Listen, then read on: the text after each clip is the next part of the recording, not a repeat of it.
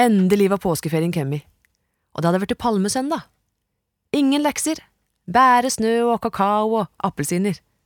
Og agentsaker, da. Jeg fikk stappa forstørrelsesglasset og permen med agentlogg og agentalfabet i toppen av sekken min. Så skunde jeg meg ut med snøbrettet under armen. Ha en fin tur, da, ropte mor etter meg. Jeg hadde nesten glemt å si ha det til mor og far. Jeg gikk ut i finværet og bortover det vesle styrket til det lyseblå søndagsskolehuset. Der skulle jeg treffe de andre BS-agenten. Det var en Bendik, Asilje og Amalin. Og en Christian, da, som bor her med faren sin annenhver helg.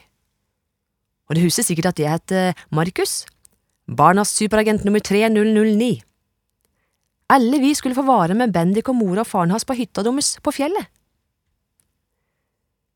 Vi i agentklubben X4 hadde vært enige om at Christian òg skulle få starte i klubben vår, så nå måtte vi kalle klubben vår for X5 i stedet. Og på denne påsketuren vil han sikkert lære en hel del agenting og være klar for oppdrag i lag med oss. Bendik og familien, og alle de andre, sto klar og venta med minibussen da jeg kom til søndagsskolehuset. Husilje var nå litt artig der hun sto, med store, røde solbriller på den vesle, fregnete nesen sin. Jeg hilste pent på de voksne. Så pakka vi oss inn i bilen og dro av gårde, opp mot fjellet. Veit dere forresten hvem som har leid den store, flotte hytta til Larsen denne påska? spurte mora til en Bendik da vi svingte inn på den store veien. Larsens hytte lå visst ikke så langt ifra Bendiks hytte. Vi rista på huet. Si det du, Bendik, sa Jo, det skal jeg fortelle, ja, sa han Bendik. I hytta til Larsen skal det bo en helt ekte prins. Prins! Vi kunne nesten ikke tro det var sant, og jenten vart liksom blanke i blikket. Jepp, en vaskeekte prins, sa han Bendik. Han kjem hit fra et lite land nede i Europa for å gå på ski.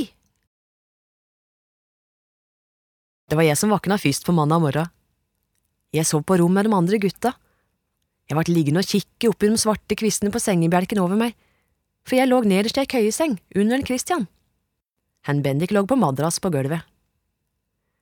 Det føltes som vi skulle være i lag og hadde artig utrolig lenge. Ei hel uke lå framfor oss, med turer i bakken, spill og med agentundersøkelser. Ja, hvis vi kom over noe mysterium som måtte løses, da. Jeg lå og hørte på ingenting, for det var helt stille i huset. Og det var utrolig godt, egentlig. Jeg kjente bare ei svak askelukt fra peisen i stua.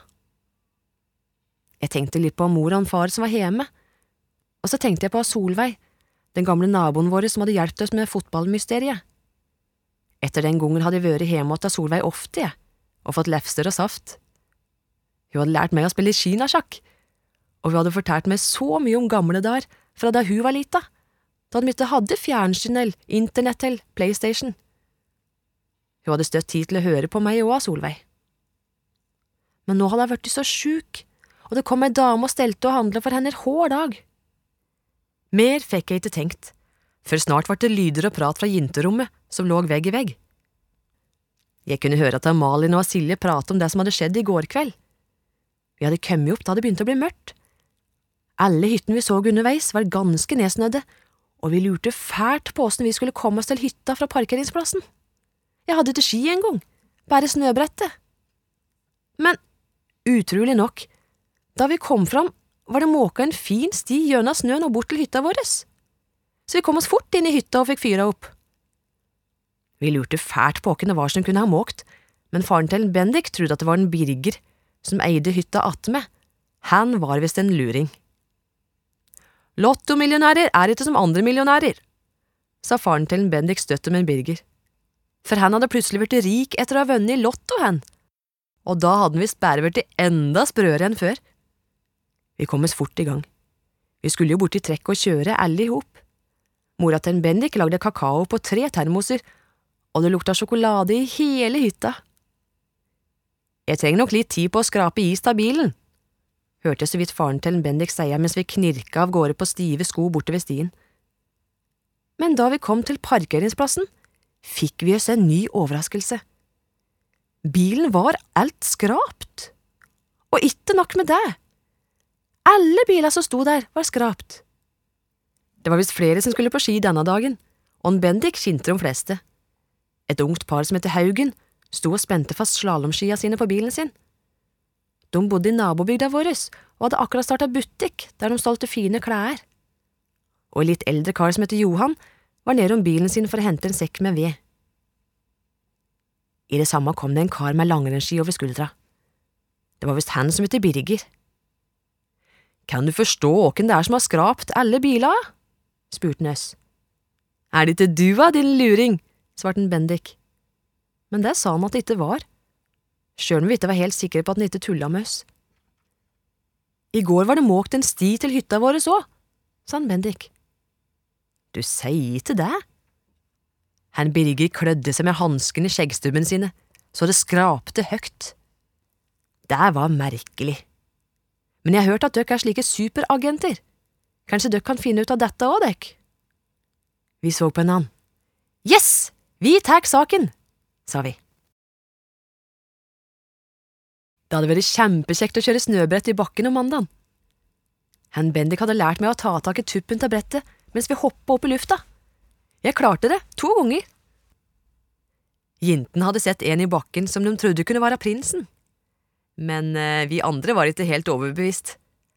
Og kanskje så erta vi dem litt òg. Vi veit da vel åssen en prins ser ut, hadde Malin svart før hun skubba meg på rumpa i snøen. Vi hadde vært ganske trøtte om ettermiddagen og kvelden, og lagt oss tidlig. Kanskje var det derfor jeg våkna så tidlig om tirsdagsmorgenen. Eller kanskje det var fordi jeg egentlig måtte tisse. Men så var det bare det at jeg var utedo, da, og kaldt, og ganske mørkt òg. Men til slutt måtte jeg, åkke som. Så jeg lista meg ut på gangen, fikk på meg skoa og jakka og gikk ut. Det hadde snødd litt, og det var helt stille. Heldigvis så lyste lampa utfor døra opp det meste av snøen, bort til doen. Så, mens jeg sto der på do, hørte jeg plutselig en lyd utafor. Svosj, svosj, svosj. Jeg kjente at håret reiste seg på huet mitt, og der var lyden att. Svosj, svosj, svosj. Jeg kikka ut mellom to planker i veggen, og der, der skimta jeg et eller annet som rørte seg langt ute i snøen. Snart kom skuggen nærmere, og jeg så at det var noen som dreiv og måkte snø. Men dette var ikke noen fra hytta våres, det var jeg sikker på. Snart kom snømåkeren helt bort til utedoen og måka der òg. Jeg kraup sammen og tørde nesten ikke puste. Så ble lyden borte, og etter ei stund kikka jeg forsiktig ut att. Jeg så ingen. Jeg åpna forsiktig døra ut og sprang alt jeg klarte til hyttedøra og ramla inn. Den mystiske snømåkeren! Jeg så en! ropte jeg. De andre kom seg ut av sengen og lurte på hva dette var for slags språk. Jeg så den mystiske snømåkeren! Åkken var det? lurte Malin på, men jeg hadde ikke sett den så godt at jeg så det. Du kan tru vi kom oss fort opp den morgenen. Snart hadde vi lagt en plan. Vi skulle finne ut åkken det var som gjorde hemmelige ting på påskefjellet, som måkte for folk og skrapte biler, og neste natt var meldt snø, skulle vi gå til aksjon. Utover dagen letta været, og det ble sol. Jeon Bendik og Malin ville en tur i bakken att. Asilje og Christian var tatt på hytta og koste seg der. Det kom ikke til å bli noe snø til natta. Vi gikk ut etter kveldsmaten, alle fem agenten, la oss på ryggen og laga engler i snøen. Sjå så mange stjerner der, da, sa Silje. Ikke alle dager blir som du har tenkt, og onsdag var en slik dag. For første gang var det ikke jeg som våkna først. Jeg ble vekt til at noen ruska forsiktig i meg, og det var mora til en Bendik. Kom, jeg har noe viktig å fortelle deg, kviska til meg. Hun ga meg en varm genser, og så gikk vi stille inn i stua. Vi satte oss i sofaen, og hun holdt meg i handa. Du veit, av Solveig, sa hun. Jeg har noe trist å fortelle deg om henne. Hun har blitt mye sjukere siden vi drog. Mora di ringte og sa at uh, hun kanskje kommer til å dø nå, Markus. Det ble stille.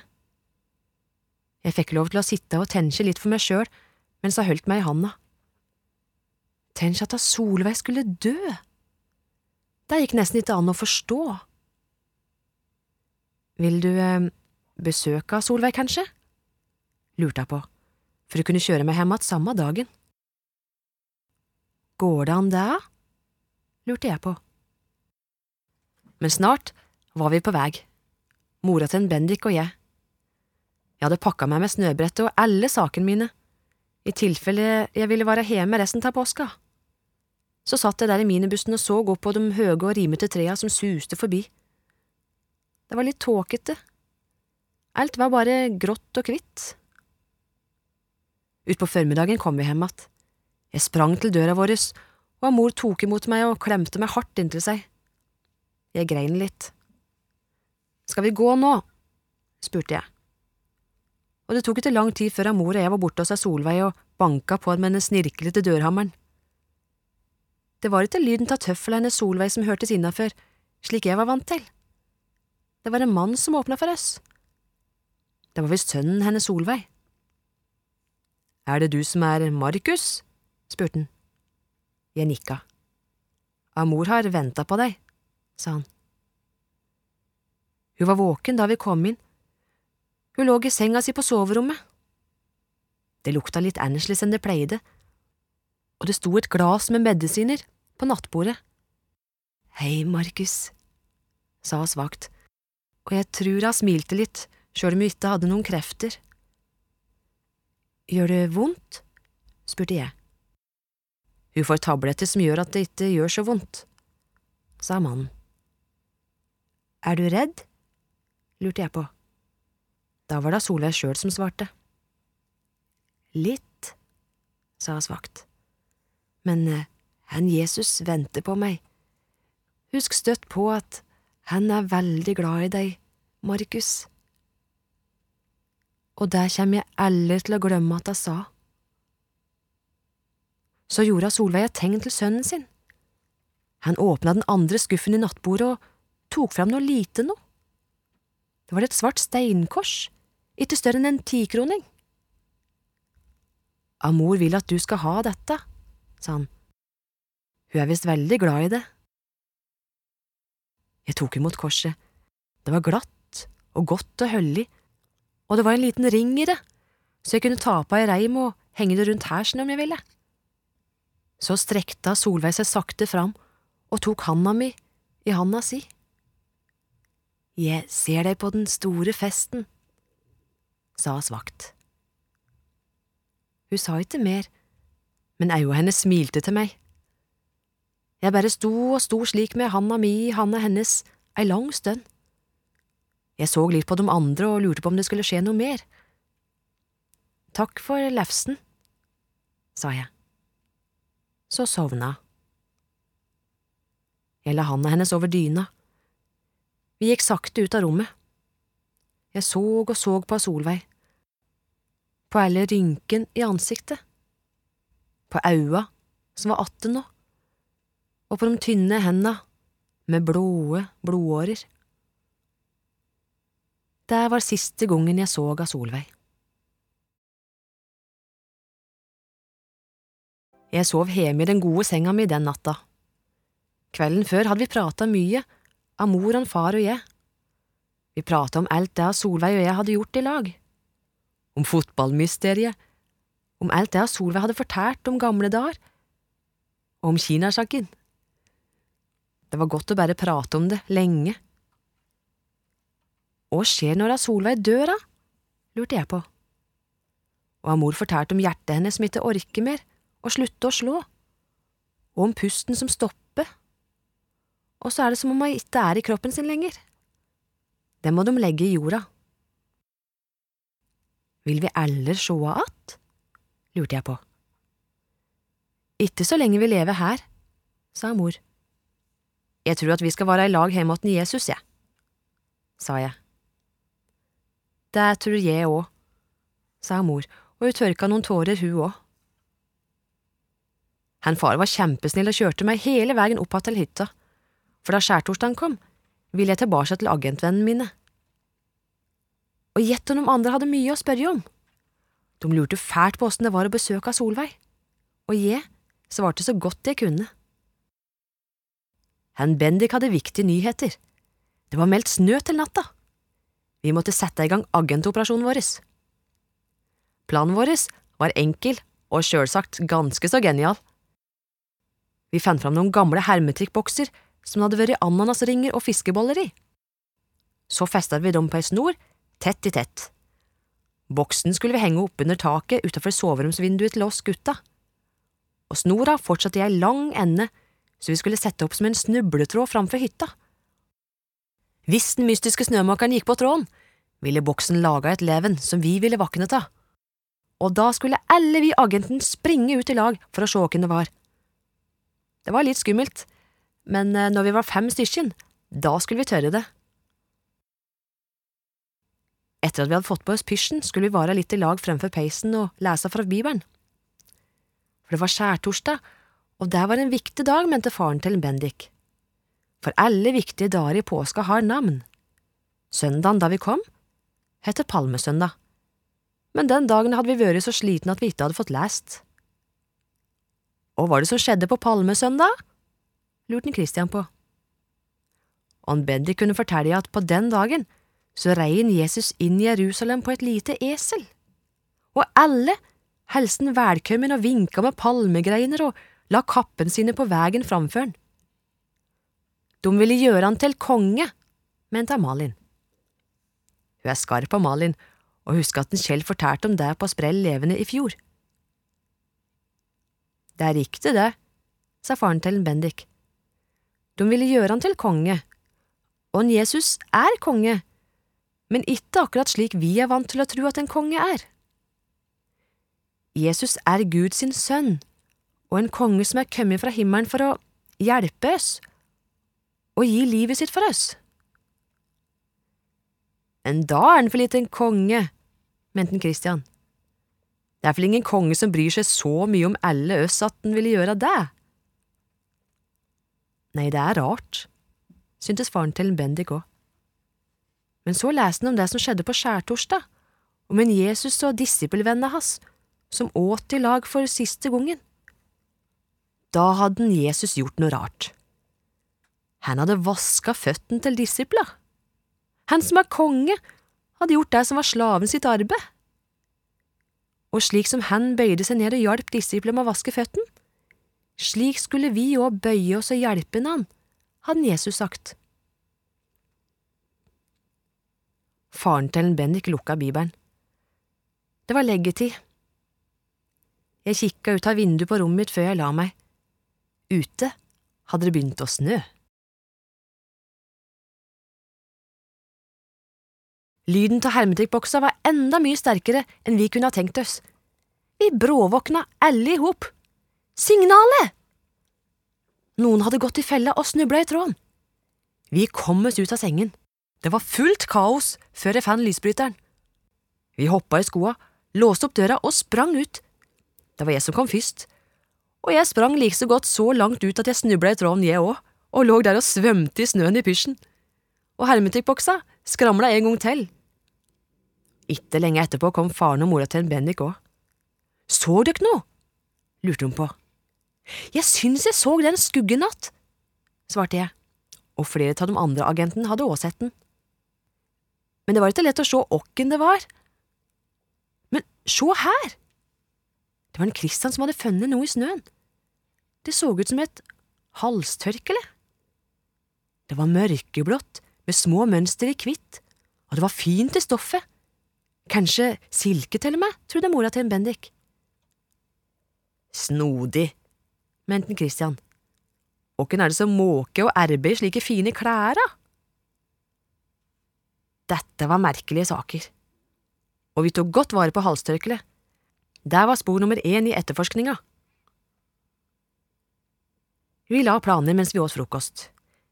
Vi skulle i bakken alle i hop den dagen, og kanskje den neste dagen òg, men åssen skulle vi finne løsningen på mysteriet? Humalin tenkte så det knaka mens hun surra en finger i den lange fletta si, slik som han pleide. Jeg har det! ropte Christian plutselig så brødsmula spratt ut av munnen på han. Har òg da? lurte Silje på. Vi legger ei ny felle. Du, Markus, sa han til meg, du skal ha på det der blå halstørkleet når vi er i bakken. Kanskje vi møter den som eier det der, og vi andre agenten kan prøve å se om noen kikker ekstra mye på det. Da er det sikkert den som eier det, og vil ha det tilbake. Kult, sa Bendik. Genialt, sa Malin. Det var oftest hun som kom på de gode ideen, men en Christian var visst på vei til å bli en superagent, han òg. Du kan tru vi var spente den dagen i bakken. Jeg hadde det blå tørkleet rundt hersen hele tida, og alle var på utkikk etter mistenkelige ting, slik agenter skal være. Men til slutt måtte vi gi oss, uten at noen hadde røpt seg og vært interessert i halstørkleet. Vi måtte komme oss tilbake til hytta, for vi skulle videre ned i bygda etter middag. I den bygda er det nemlig slik at alle som vil, kan komme og være med og lage et barnekor og synge en sang på gudstjenesten på påskedagen. Og denne langfredagskvelden skulle vi øve. Det var ti unger i tillegg til oss på øvelsen. Dirigenten, hun som skulle lede koret, ville fortelle oss hvorfor det heter langfredag akkurat i dag. Det var nok ikke slik at denne dagen var noe lenger enn andre dager, men den føltes nok slik for Jesus og disippelvennene hans. For det skjedde noe veldig trist den dagen. Han Jesus måtte dø på et kors, for det var mange som ikke likte at han sa at han var Gud sin sønn. Og de var skuffa over at han ikke var en slik vanlig sterk konge som kunne styre landet sitt og krige mot de andre landa, slik konge pleide å gjøre på den tida. De mobba han og lagde en liksom-kongekrone men den var av stikkende tornebusker. Jesus er ikke som andre konger, sa Silje. Nei, det er riktig, mente dirigenten. Jesus vil ikke at vi skal streve for å være sterkere og mektigere enn andre, han vil at vi skal bøye oss ned og hjelpe innan, sa han Christian. Du kjenner visst Jesus godt, du, mente dirigenten. Kanskje det, sa han Christian. Natt til lørdag døde av Solveig. Amor ringte på morgenen og fortalte det, og vi måtte prate sammen en lang stund. Det var trist, men jeg var veldig glad for at jeg hadde fått besøk da, og så visste jeg at nå var av Solveig åtten Jesus. Rundt frokostbordet prata vi om åssen det kunne være åtten Jesus i himmelen. Der var det ingen som visste helt nøyaktig. Men faren til Bendy kunne fortelle at i himmelen der skal det være så godt å være at vi ikke trenger grine mer eller være triste, og en Gud skal gi oss en ny jord, der alt bare er bra. Den som er liten og fattig og liksom ikke så viktig på jorda, den skal bli viktig i himmelen, visste Amalin. Det stemmer, sa faren til en Bendik. Og vi skal sikkert kjøre snøbrett hele tida trodde jeg. Himmelen er ikke som andre plasser, mente en Bendik. Utpå morgenen blåste det opp. Det var ikke vær til å stå på snøbrett i dag. Jeg hadde gleda meg til å ta på meg det blå silketørkleet og se om noen i bakken ville være interessert i det, men nå måtte vi satse på å få løst mysteriet på søndagen, før vi skulle kjøre hjem igjen. Vinden peip i vinduskarma, og vi fyrte godt i peisen. Jinten øvde litt på påskesangen vi skulle synge i kyrkja, før de skulle få synge versa helt alene. Og jeg skulle få lese noe fra Bibelen og øvde meg på det. Seinere drakk vi kakao og malte påskeegg. Har dere tenkt på hvor rart det er at kyllingen først er inni egget og så kjem ut? lurte mora til en Bendik på mens vi holdt hvert vårt egg i handa. Og jo mer vi tenkte på det, jo rarere vart det. Tenk å være inni et skall og ha det mørkt, og ikke vite om noe annet, og så plutselig komme ut og se og høre alt det som er utafor. Jeg tok ei lys, gul farge på penselen min og malte på hele toppen av egget mitt. Det var nesten som ei sol som lyste. Det hadde skjedd så mye denne påska. Jeg var både trist og glad inni meg på en gang. Hvorfor måtte egentlig Jesus dø, lurte Christian på. Han måtte dø for at vi skulle få leve for evig og bestandig, sa Silje fort, for det hadde Kjell, søndagsskolelederen vår, sagt. Det stemmer, det, mente mora til en Bendik. Jesus er Guds sønn, men han vart et menneske som oss for å bære alt det vi mennesker syns er vanskelig å bære på, i hjertet vårt. Dere veit sikkert åssen det er å ikke ha det godt inni seg, eller være lei seg for det han har gjort. Men han Jesus bar alt dette med seg til korset der han døde, han. Derfor skal vi få være frie og trygge, sjøl om vi dør. Tenk at Jesus gjorde det, sa han Bendik. Amalien hadde ikke sagt noe på lenge, og hun hadde ikke smilt så mye heller, men så så hun på meg. Unnskyld at jeg ble sint og dytta deg ned i snøen, sa hun litt stille. Jeg skjønte først ikke hva hun mente, men så kom jeg på at hun hadde dytta meg den gangen vi snakka om prinsen. Det er greit, sa jeg. Så sa vi ikke noe mer om det. Søndagen, sjølveste påskemorgen, vart jeg vekt av sola som lyste inn gjennom gardina våre. Vinden var borte, og det drypte fra istappa oppunder taket. Og det aller beste av alt, på stolen attmed senga lå det tre store gullpåskeegg med navn på. Ett til en Bendik, ett til Christian og ett til meg.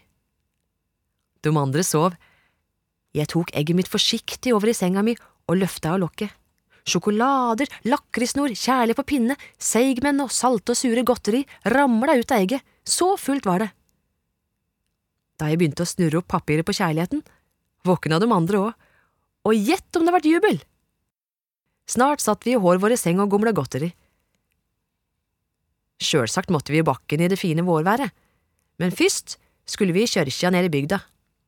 Det var jo påskedag og den dagen Jesus sto opp fra grava.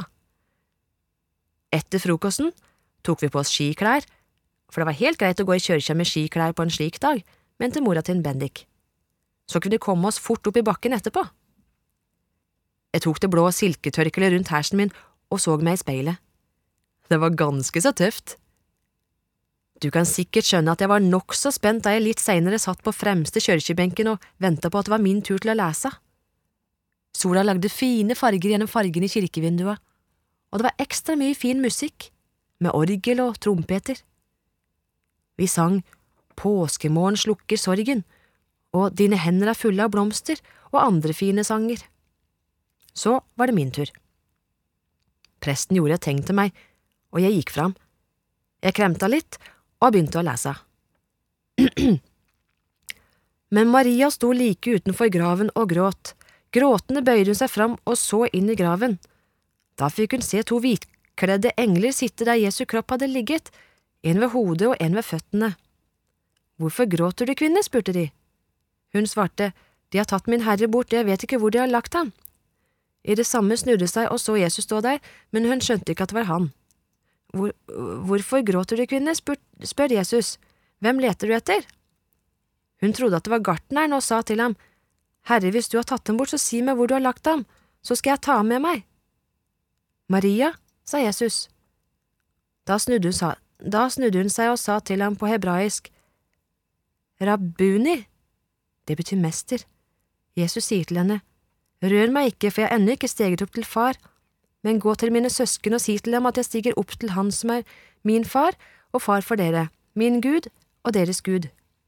Da gikk Maria Magdalena av sted og sa til disiplene, Jeg har sett Herren! og hun fortalte hva han hadde sagt til henne. Så var jeg ferdig og gikk og satte meg att. Pressen snakka litt om det jeg hadde lest, om at Jesus hadde vunnet over døden og åpna veien til himmelen for oss, og derfor er påskedagen gledens dag. Da presten var ferdig, var det endelig koret sin tur. Vi gikk fram og stelte oss i trappa framme i kyrkja.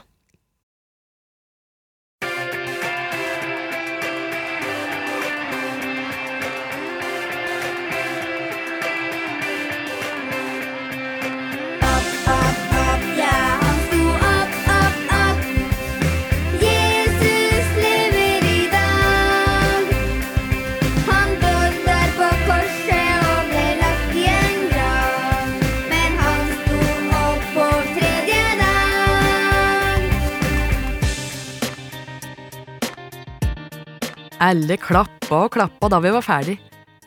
Det var godt å bare stå der og kikke utover på alle de glade ansikta. Og det var akkurat da jeg oppdaga noe mistenkelig. En mann som jeg aldri hadde sett før, sto og kikka på meg.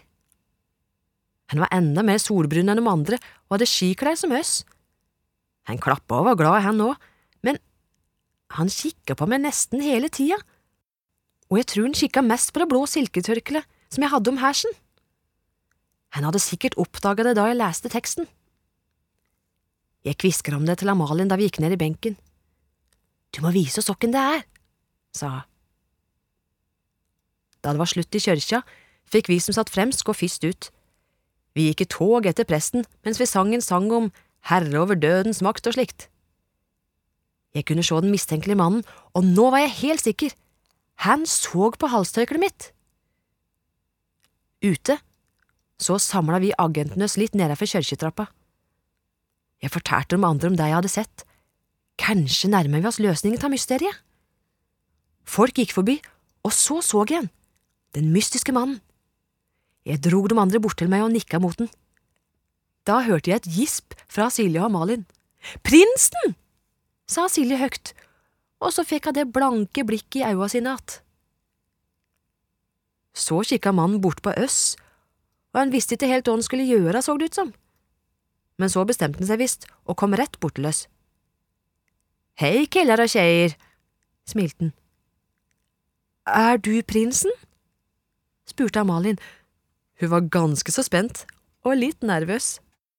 Ja, sa han. Men hvorfor prater du svenska? lurte jeg på, for jeg hadde sett på fjernsyn at Kille er svensk, var det samme som gutt, og tjei betyr jinte. Og da kunne hun fortelle at den var i familie med noen svensker, og snakka litt svensk, sjøl om hun egentlig bodde i et annet land. Er dette halstørkleet ditt? lurte jeg på. Og jo, han måtte innrømme at der var det, og han lurte fælt på hvor jeg hadde funnet det hen. Vi fant det ved hytta vår, utbrøt Christian. Vi er agenter, og vi har funnet ut at det er du som sniker deg rundt, uten at noen ser deg og gjør hemmelige tjenester. Nå kikka prinsen seg rundt på de andre voksne som gikk forbi. Han ville visst ikke at det skulle bli oppdaga dette som han holdt på med. Men hvorfor gjør du det, du som er prins, da? lurte Malin på. Og det var ikke så lett å forstå, for vi har støtt trodd at prinser bodde på slott og var mest glad i å kose seg, og at de fikk hjelp til alt de ville. Det var helt utrolig at en prins skulle bruke hele påska til å hjelpe andre. Han kunne ikke gi oss noe ordentlig svar på det, men han var trivelig, og han skrev autograf til alle i hop før vi ønska henne en god påske. Og sjølsagt så går jeg tilbake til halstørkleet hans. Kanskje prinsen bare synes det er godt å kunne hjelpe andre, mente Silje da vi satt i bilen på vei hjem fra fjellet. Hun satt og strauk og strauk med fingeren på papirlappen med autografen på. Denne prinsen er iallfall ikke som andre prinser, sa han Bendik. Han var helt rød i kinna og solbrent på nesetippen etter at vi hadde kost oss mange timer i bakken. Tenk at vi hadde klart å løse mysteriet, i siste liten. Jeg så ut glasset. Den låge sola lagde fine grønnfarger i greinen i de høye trea.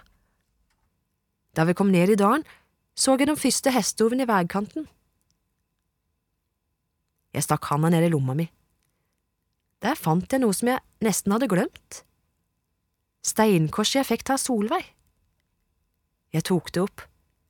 Det var godt å holde i, og jeg tror jeg holdt det i handa helt til jeg var hjemme.